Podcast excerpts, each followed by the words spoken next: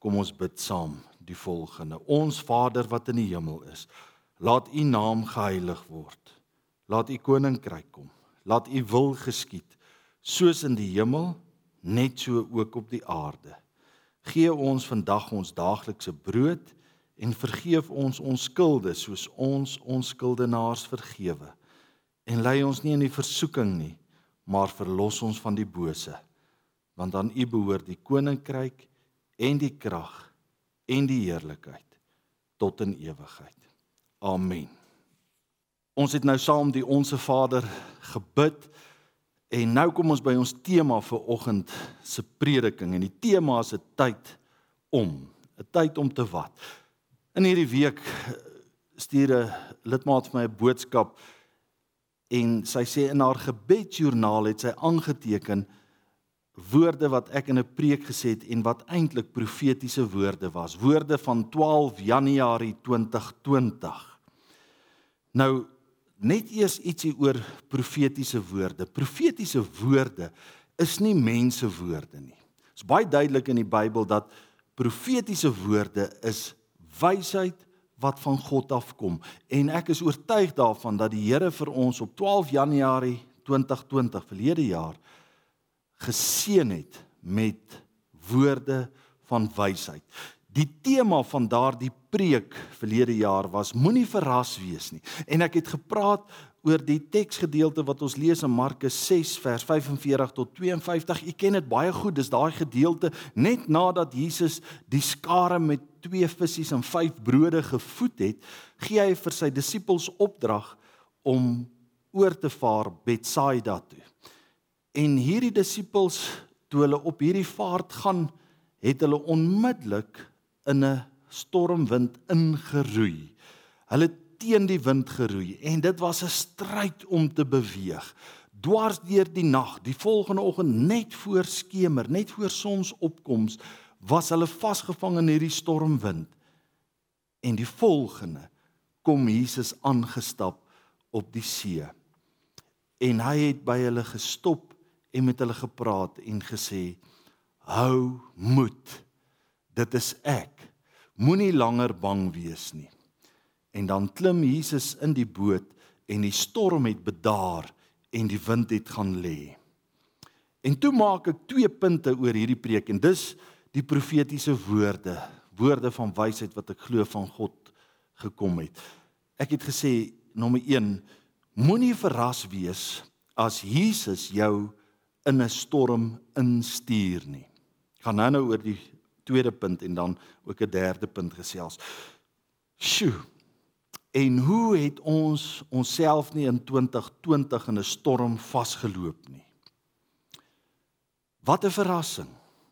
Alles was normaal. Alles is as van selfsprekend aanskou en in 'n oogwink is alles ontwrig en omgekeer. En dit is nou maar eenvoudig hoe die lewe is. Jesus stuur ons in storms in.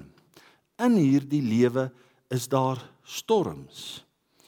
Ook storms wat ons verras, ook storms wat ons nie sien kom het nie, ook storms wat langer aanhou as wat ons gehoop het.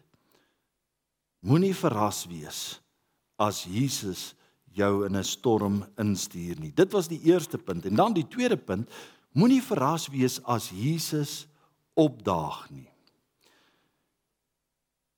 In hierdie verhaal van Markus 6 daag Jesus op en die disippels wat verskrik en beangs was word deur hom gerus gestel. En wanneer Jesus opdaag op die see by hierdie disippels, dan daag hy op as die almagtige Vader. Hy oorkom die natuurkragte, water en swaartekrag is God se skepsels. En Jesus handel met hierdie skepingskragte soos hy goed dink. En hy kom op die water aangestap en ons lees dat Jesus eintlik langs hulle verbygeloop het en daardeur wou Jesus sy goddelike mag aan die disippels openbaar. Jesus daag op en aan die disippels word openbaar dat Jesus die Here is. Hy is God. Hy is almagtig. Hy loop op die water. Hy is God. Nou ja, vandag as ons terugkyk na 2020 sal mense sê 2020 is 'n jaar om te vergeet. Maar ek dink anders daaroor. Ek dink 2020 is die jaar waarin God opgedaag het. Waarin Immanuel by ons is en by ons was. In 2020 het ek beleef hoe dat God weer gesinne bymekaar bring en verenig. Het ek beleef hoe Jesus opgedaag het in die klein dingetjies van die lewe, in die natuur skoon. In 2020 daag Jesus op by hospitaalbeddens en siek mense. In 2020 daag hy op by moe dokters en gesondheidswerkers en hy maak hulle arm sterk. In 2020 daag God op by sterwendes en hy seën hulle met die ewige lewe. Hy daag op by gesinne wat deur moeilike finansiële tye gaan en hy gee vir hulle nuwe geleenthede en ander uitkomste. Deur 'n netwerk van boere, sakemanne, lidmate, vrywilligers het ons gesien hoe God opdaag en 'n span bymekaar kry sodat ons kos op die tafels van behoeftige mense kon plaas. 2020 was 'n jaar waarin Jesus opgedaag het. Ons was nie alleen in 2020 nie. En wanneer Jesus in die boot klim, wanneer Jesus opdaag, gaan lê storms en winde bedaar. Hou moed. Dit is ek. Moenie langer bang wees nie. Profetiese woorde. Wysheid van God, wysheid uit die woord van God. En hier staan ons in 2021 Januarie, die begin van 'n nuwe jaar. En moenie verras wees as God jou in 'n storm instuur nie en moenie verras wees as Jesus opdaag nie. Hou moed. Dit is ek. Moenie langer bang wees nie. Nou vriende, vandag leef ons in vreemde, vinnig veranderende tye.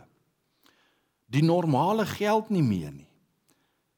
En weer het ons hierdie behoefte aan 'n profetiese woord, aan wysheid van God. En vanoggend gaan ons in die Bybel lees uit Prediker 3, een van die wysheids literatuurboeke wat ons in die Bybel kry. En ek wil u uitnooi om u Bybels oop te maak by Prediker 3. Ons gaan hierdie bekende 8 verse saam lees. Vir alles is daar 'n vaste gestelde tyd. Daar is 'n tyd vir elke saak onder die hemel. 'n Tyd om geboorte te gee en 'n tyd om te sterf. 'n Tyd om te plant en 'n tyd om uit te trek wat geplant is. 'n Tyd om 'n lewe te neem en 'n tyd om te genees. 'n Tyd om af te breek en 'n tyd om op te bou. 'n Tyd om te huil en 'n tyd om te lag. 'n Tyd om te rou en 'n tyd om te dans. 'n tyd om klippe weg te gooi en 'n tyd om klippe bymekaar te maak. 'n tyd om te omhels en 'n tyd om ver te wees van omhelsing. 'n tyd om te soek en 'n tyd om te laat wegraak. 'n tyd om te bewaar en 'n tyd om weg te gooi. 'n tyd om te skeer en 'n tyd om toe te werk, 'n tyd om stil te bly en 'n tyd om te praat. 'n tyd om lief te hê en 'n tyd om te haat. 'n Tyd van oorlog en 'n tyd van vrede. Dit is die woord van die Here. Daar is 'n tyd om gebore te word. Daar is tyd om te dans van vreugde en te omhels. Maar dan is daar ook 'n tyd om te treur, om te sterf. 'n tyd sonder omhelsing, soms oorlog. So lei die woorde van prediker oor tyd. Kunstig bepeins. Sewe woordpare, 14 reëls oor wat tussen die begin en die einde van jou lewe lê. Wat lê tussen die begin en die einde van jou lewe? Wat gebeur in hierdie tydsverloop en wat kan weer gebeur? Nou weet jy vriende, Prediker was 'n wysheidsleraar met 'n besondere skerp intellek. In Prediker se tyd was daar wysheidsleraars wat verkondig het en geglo het dat deur die regte optrede verseker jy 'n veilige toekoms vir jou. Met ander woorde, tree reg op en God seën jou. Tree verkeerd op en God straf jou. En hierteen was die prediker lynreg gekant. Hy verset hom in sy geskrif in hierdie prediker geskrif teen hierdie wysheidsinterpretasie dat doen reg en God seën jou en doen verkeerd en God swat jou. Want prediker maak dit baie duidelik dat God nie uitgelewer is aan die menslike optrede nie, maar dat die mens uitgelewer is aan 'n absolute soewereine God wat oor die mens se lewe beskik soos hy wil. En daarom vriende, as ons Prediker lees, dan sien ons Prediker se woorde is tydloos. En ook nou kan ons 2021 se tyd op die skaal van prediker afweeg. Watter soort tyd beleef ons vandag? 'n Mens huiwer om hierdie vraag te antwoord want ons is kinders van ons eie tyd. Ons vergeet maklik agtertoe en vorentoe weet ons nie. Hoe kan ons nou al ons uitspreek oor 2020 op die groot lewenstydlyn. Hoe kan ons onsself nou al uitspreek op die groter tydlyn van die wêreldsgeskiedenis? Gelukkig herinner historiese ons dat daar vreeslike jare al vir die wêreld was om in te leef. Sommige so vroeg as 536 na Christus word een van die donkerste tye in die bestaan van hierdie wêreld ingegaan. Daar was 'n geweldige ontsaglike vulkaniese uitbarsting in die noordelike halfrond en gevolglik was daar net skemer, donkerte, geen son, geen somer, geen oeste nie en 'n verskriklike hongersnood. Heelwat later in die 1300s sterf daar ongeveer 75 miljoen mense wêreldwyd as gevolg van die swart griep of ook bekend as builepes. Donker tye was daar al in hierdie wêreld. Later in die einde van die uh 1900s gebeur dit ook op ons eie land. Meer as 27027 vroue en kinders en bejaardes sterf aan die einde in die Anglo-Boereoorlog en konsentrasiekampe en in die oorgang van Desember 1901 na Januarie 1902 was daar 'n uitsiglose atmosfeer in belewenis. En nou weer is ons in 'n uitsiglose oorgangstyd. Om en by 40000 lewens in Suid-Afrika sal reeds deur COVID-19 geëis. En daarom is die toekoms ook uitsigloos. En hoe lyk die tyd vir jou as individu? As ek dink aan Patrys en haar gesin in ons gemeente wat verlede jaar vir Dries Hospitaal toe geneem is en nie toegelaat is om hom weer te sien nie, sal 2020 altyd 'n jaar van onafgroet bly. Dis 'n jaar waarin ons sonder woorde gelaat is, sonder om te groet, sonder om vas te hou, sonder om te sien. En al wil ons bitter graag nou sê voorspoedige nuwe jaar, is dit nog het einde nie. Watter soort tyd beleef ons nou? Ons beleef 'n oorgangstyd van 2020 na 2021. 'n Jaar van wat was en 'n jaar van wat kom. 'n Lewe voor COVID-19 en die lewe daarna, wanneer dit ook al gaan wees. Prediker herinner ons dat alles het 'n bepaalde tyd, alles het 'n vasgestelde tyd.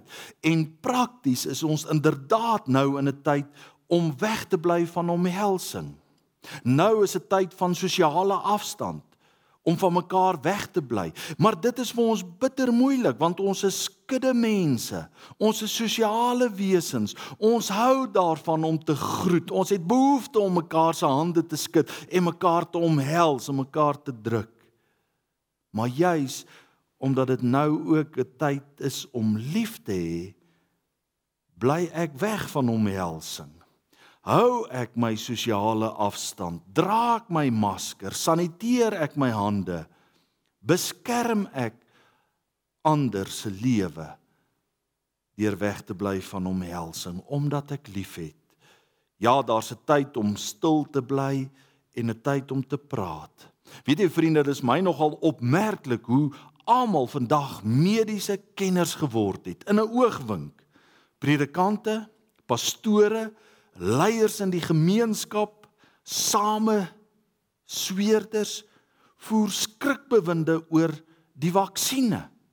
En hulle bombardeer jou met 'n klomp dinge oor jou DNA wat gaan verander en die merk van die dier en hoe jy uitgelewer is aan die Illuminati sonder dat hulle enige wetenskaplike kliniese studies in ag neem.